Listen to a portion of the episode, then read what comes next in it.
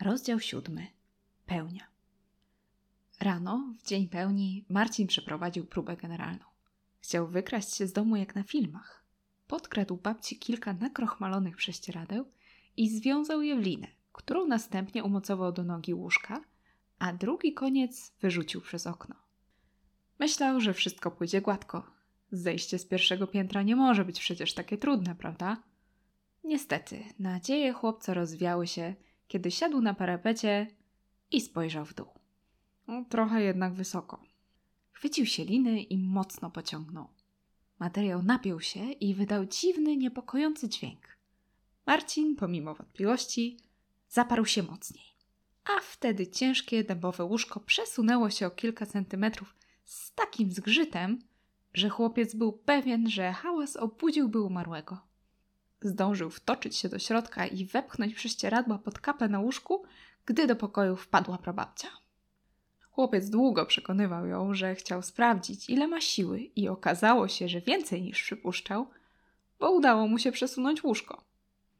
Staruszka chyba nie do końca mu uwierzyła, bo długo przyglądała mu się w milczeniu. W końcu westchnęła ciężko i zrezygnowana pokręciła głową. Marcin, powiedziała, wiem jak ci teraz ciężko. Jesteś mądrym chłopcem i wierzę, że sobie poradzisz. Ale pamiętaj, że nie wszystko musisz robić sam. Cokolwiek się stanie, będę przy tobie. Starczy poprosić, a przyjdę na pomoc. Chłopiec pokiwał głową, choć wiedział, że to tylko puste słowa. Prababci nie będzie z nim na szczycie.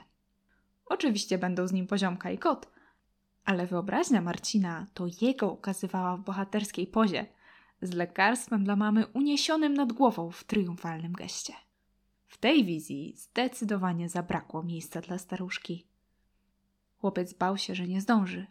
Ledwie tknął kolację i szybko poszedł na górę, wymawiając się zmęczeniem. Na szczęście prababcia, która tego dnia wydawała się dziwnie rozkojarzona, położyła się jeszcze wcześniej. Tłumaczyła, że pełnia zawsze trochę ją rozstraja. Teraz, gdy zapadł zmrok, a Marcin był już gotowy do drogi, przypomniał sobie zatroskaną minę prababci. Czy to możliwe, że staruszka coś podejrzewała? Nie, to bez sensu. Poprawił paski plecaka, które już zaczynały wrzynać mu się w ramiona, choć nie zdążył nawet wyjść z pokoju.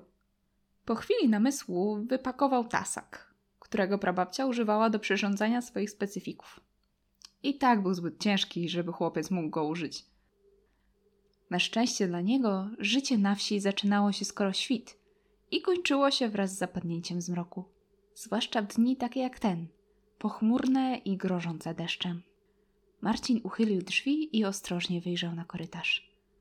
Nikogo tam nie zobaczył, a dom tonął w ciszy, układany do snu gasnącym światłem dnia. Drzwi do jednego z pokoi były uchylone. Chłopiec podszedł do niego na paluszkach, uważając, by nie nadepnąć na żadną zdradliwą, skrzypiącą deskę. Nie do końca mu się to udało, więc zanim zajrzał do środka, Odczekał chwilę. Na szczęście skrzypienie nie zaniepokoiło nikogo na tyle, by sprawdził, kto chodzi o tak późnej porze. Marcin zajrzał do pokoju mamy. Ciocia siedziała w bujanym fotelu z książką na kolanach. Głowę odchyliła do tyłu i głośno chrapała. Po jej brodzie spływała cieniutka stróżka śliny. Tego wieczora obie z mamą utuliły go do snu i zapewniły, że wszystko będzie dobrze. Odkąd wrócił z lasu, Marcin widział, że mama bardzo się starała wynagrodzić mu jakoś swój wybuch. Teraz, kiedy chłopiec patrzył na nią skuloną pod pierzyną, wydawała mu się dziwnie krucha. Jakby byle podmuch wiatru mógł ją złamać. Wyglądała jak ktoś, kim trzeba się zaopiekować. I to właśnie Marcin obiecał sobie zrobić. Cichutko, no prawie, wycofał się na schody. Zatrzymał się dopiero, kiedy znalazł się za bramką w cieniu drzewa. Wydawało mu się, że w pokoju prababci poruszyła się zasłona, więc zamarł na chwilę w bezruchu.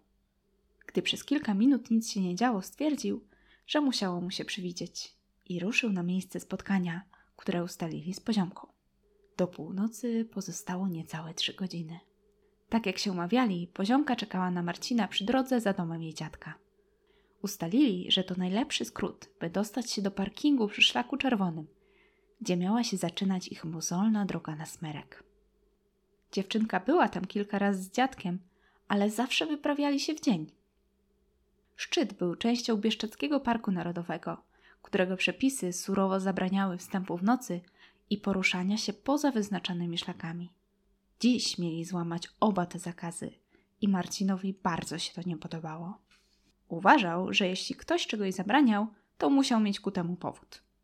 Ktoś, kto powiedział, że zasady są po to, żeby je łamać, chyba nigdy nie zabłądził w lesie pełnym niebezpiecznych stworzeń. Kiedy chłopiec się zbliżył, poziomka wyjrzała z za mapy, która była większa od niej samej, a Marcina oślepiła latarka czołowa. Dziewczynka roześmiała się na widok jego miny i wyłączyła światło. Miała też jedną dla niego i ochoczo wcisnęła mu ją na głowę. Jej plecak był o wiele mniejszy niż ten, który dźwigał Marcin. Pewnie nie wzięła tyle zapasów, pomyślał chłopiec i poprawił ciężar na plecach. Niedługo na pewno zrobi się lżejszy. Dziewczynka przyjęła rolę przewodnika. Bardzo wzięła to sobie do serca i zapakowała wszystko, co uznała za potrzebne do pełnienia tej ważnej funkcji. Miała na sobie przeciwdeszczową kurtkę, a dla Marcina przezornie zabrała różową plastikową pelerynkę. Choć z początku nie chciał jej przyjąć, bo miała dziewczyński kolor, zimna mrzawka zmusiła go do zmiany stanowiska. Gdy szli, poziomka z dumą prezentowała przyjacielowi swój ekwipunek. Na szyi miała zawieszony kompas, w plecaku małą apteczkę, wodę, saperkę, spray na owady i batony. Do tego ciepły szalik, linę i koc termiczny, a z kieszeni wystawał jej przewodnik po Bieszczadach i scyzorek. Marcin był pod wrażeniem. On zapakował kanapki, jabłka, butle soku i parasol, a do tego dwie puszki fasoli, bo to właśnie jedli kowboje w jednym z filmów, które oglądał. No i batony z kokosem, bo bardzo je lubił. Jak się okazało, kiepsko dobrany ekwipunek nie był jedynym problemem Marcina. Jego adidasy szybko przemokły na pełnej kałuż polnej drodze i chlupały przy każdym kroku, jeszcze zanim dotarli do parkingu.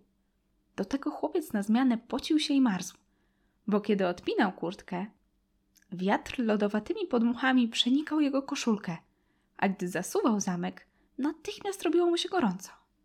Gdy dotarli na szlak, było już całkiem ciemno, a chłopiec czuł się bardzo nieszczęśliwy.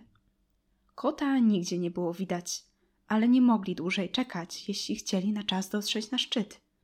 Tyle jeśli chodzi o pomoc magicznego stworzenia. A może coś mu się stało? Mówił, że wiedźma zazdrośnie strzeże swoich sekretów. Może dowiedziała się, że kot za dużo papla? Może gdzieś go uwięziła i biedak czeka teraz na ratunek? A nic się zdały pocieszenia poziomki i jej próby poprawienia Marcinowi humoru. Chłopiec szedł w milczeniu, ale nie w ciszy, bo jego głośne sapanie słychać było chyba na kilometr. Starał się patrzeć pod nogi, żeby nie przewrócić się na śliskim błocie. Nie zauważył, że poziomka nagle się zatrzymała i wpadł jej na plecy. Dziewczynka nie była w stanie wykrztusić słowa, tylko wskazywała w gęstwinę. Marcin po raz pierwszy od czasu wyruszenia na wyprawę roześmiał się. Przecież to tylko stare drzewo, powiedział. Nawet nie straszne. Nie, coś tam się rusza. Nic się nie rusza, straszysz mnie tylko.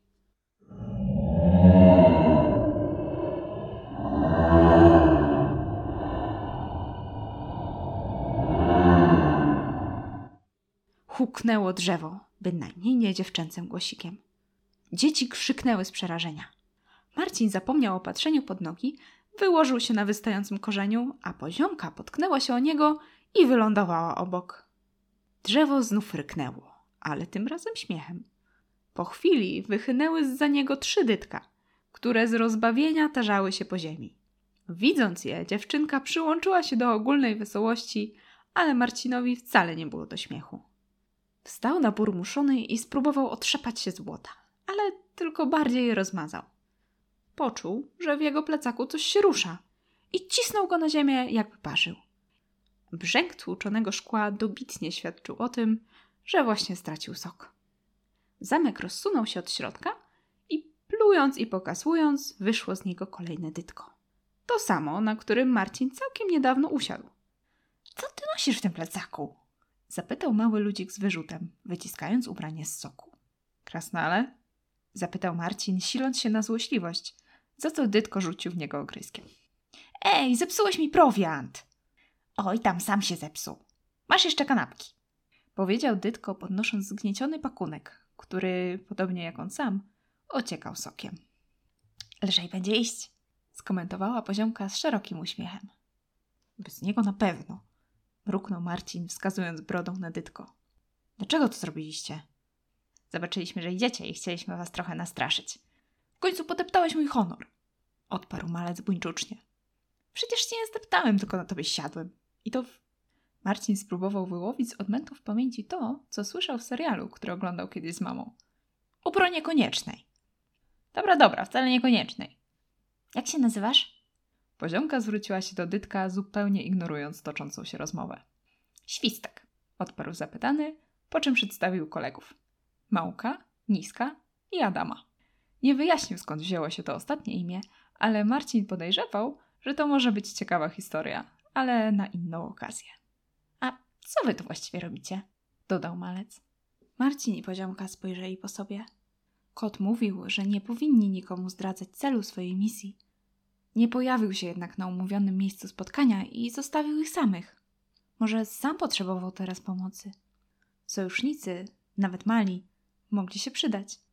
Idziemy spotkać się z wiedźmą, powiedział chłopiec. Mocny podmuch zimnego wiatru dodał jego słowom złowieszczości. Dytka z przerażenia zbiły się w ciasną gromadkę. To nie jest dobry pomysł, powiedział świstek, a strach malujący się na twarzach innych dytków świadczył o tym, że mogło to być duże niedopowiedzenie. Dlaczego? zapytała poziomka. Ono to dopiero jest straszna.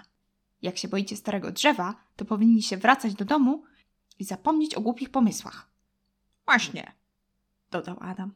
Wracajcie do domu, obejrzyjcie coś fajnego w telewizji. Może ten program o... Ała! Mocny kuksaniec pod żebra wymierzony przez Małka przywołał go do porządku.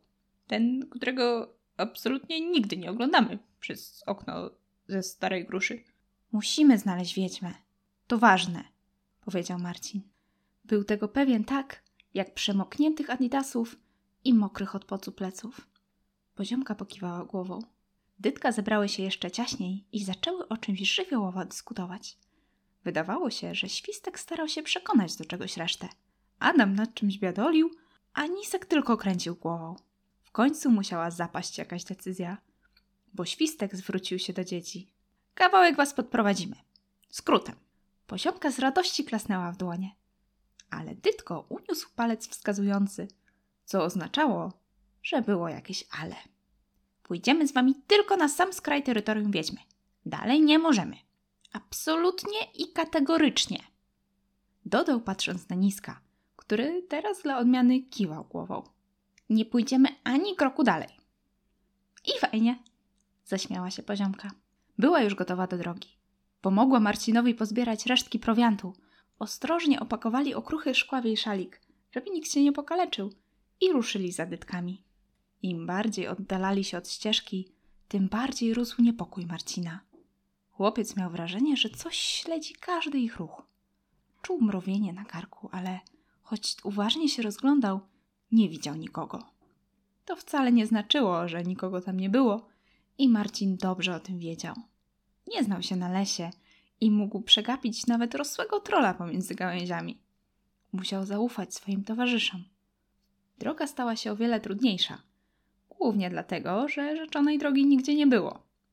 Dytka prowadziły ich wąziutką ścieżką między drzewami, pełną zdradliwych kamieni i korzeni. Marcin pomyślał o wilkach. Każdy niepokojący szelest przypisywał ich obecności.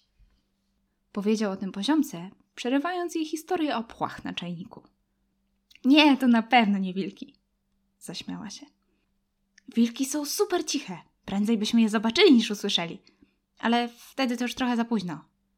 To nie poprawiło Marcinowi nastroju, ale nie skomentował. Bardzo starał się słuchać o kompaniu psa, który wody bał się jak ognia, ale w jego myśli wkradło się inne wielkie, włochate zwierzę. A co jeśli spotkają niedźwiedzia? Zapytało to dziewczynkę. Mam uciekać na drzewo? Dociekał. Po co? Zdziwiła się poziomka. Ale to strasznie głupie, przecież niedźwiedzie też potrafią się wspinać. Aha, pomyślał Marcin. Super. Tymczasem jego wyobraźnia płynnie przeszła od znanych zwierząt do nowo odkrytych potworów z dawnych wierzeń. Obecność dytków nie pomagała, miały raczej marną wartość bojową. Tymczasem szli w nieznane, a każdy krok zbliżał ich do wiedźmy. Taką przynajmniej Marcin miał nadzieję, bo już zupełnie się pogubił. Jesteśmy, powiedział szeptem świstek. Dotarli do niewielkiego jeziorka. Albo stawu. Marcin nie był pewien, jaka jest między nimi różnica. Jednak w tej chwili nie miało to znaczenia. Miejsce było tak piękne, że nie przejąłby się nawet stadem wilków. Chyba. Szum wodospadu i delikatna wodna mgiełka wypełniały powietrze. A sam zbiornik zdawał się emanować subtelną poświatą, bijącą prosto z płytkiego dna. W jeziorze pływały drobne rybki, których srebrne łuski odbijały światło, mrugając do wędrowców. Nad taflą wody górował wodospad, który niczym przejrzysta płachta utkana z mgły zasłaniał wejście do ciemnej jaskini. Zagrzmiało. No pięknie, brakowało im jeszcze tylko burzy.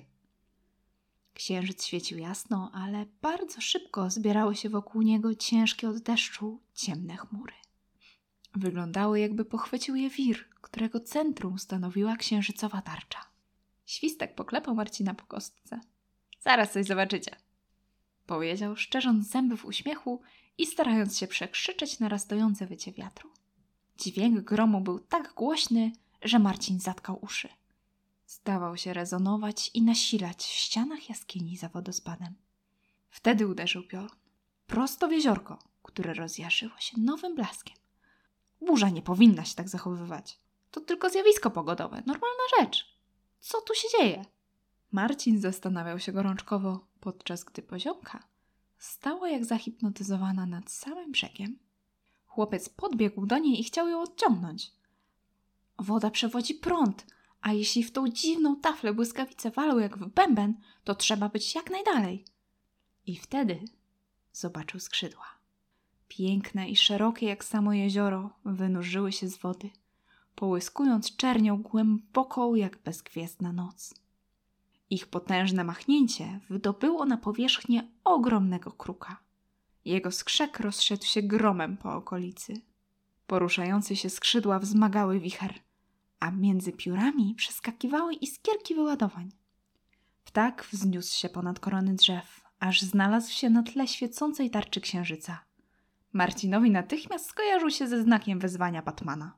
Jednak człowiek nietoperz z pewnością nie pochłaniał, nie połykał, nie wciągał wirujących burzowych chmur, a jego pojawieniu się nie towarzyszyły gromy i błyskawice. To ptak gromu! Żmi! krzyknął świstek. Przecież żmi to taki wąż. Znaczy, żmija. Odparł Marcin, bo nic lepszego nie przyszło mu w tej chwili do głowy. Gapił się na ogromnego kruka, pełen podziwu i zachwytu. Gdzieś w międzyczasie wyparował strach. Może jest jakiś limit tego, ile może się bać jeden mały chłopiec? A jeśli się go przekroczy, to jest już tylko lepiej? Nie! odkrzyknęła poziomka, na której twarzy malował się czysty zachwyt. Teraz się tak mówi na węża, ale mama mówiła, że kiedyś żmije to były ptaki Peruna, boga piorunów. Takie, co latały i walczyły ze smokami. Chciałam zobaczyć smoka. Marcin nie chciał, ale nic nie powiedział. Cieszył się, że mógł tu być. Ptak gromu stał się nagle jego ulubionym stworzeniem na całym świecie. Wszystko skończyło się tak nagle, jak się zaczęło. Ptak okręcił się wokół własnej osi, pochłaniając ostatnie strzępy chmur. Machnął skrzydłami i uniósł się tak wysoko, że nie minęła chwila, a już stał się jedynie odległym punktem na nieboskłonie.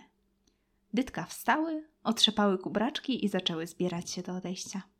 Marcin zdał sobie sprawę, że ściska poziomkę za rękę, więc czym prędzej wycofał się i spłonął rumieńcem. Chciał, żeby księżyc nie świecił tak jasno i żeby dało się to ukryć. Dziewczynka wyszczerzyła do niego zęby w uśmiechu. Tu jest granica, powiedział świstek. Nerwowo przystępował z nogi na nogę. Może jednak za wrócicie, co? Zobaczyliście ptaszysko, było fajnie, czas spać. Pójdziecie? W ostatnim słowie słychać było błaganie. Poziomka przykucnęła przy małym ludziku, pochyliła się i ucałowała czubek jego nosa.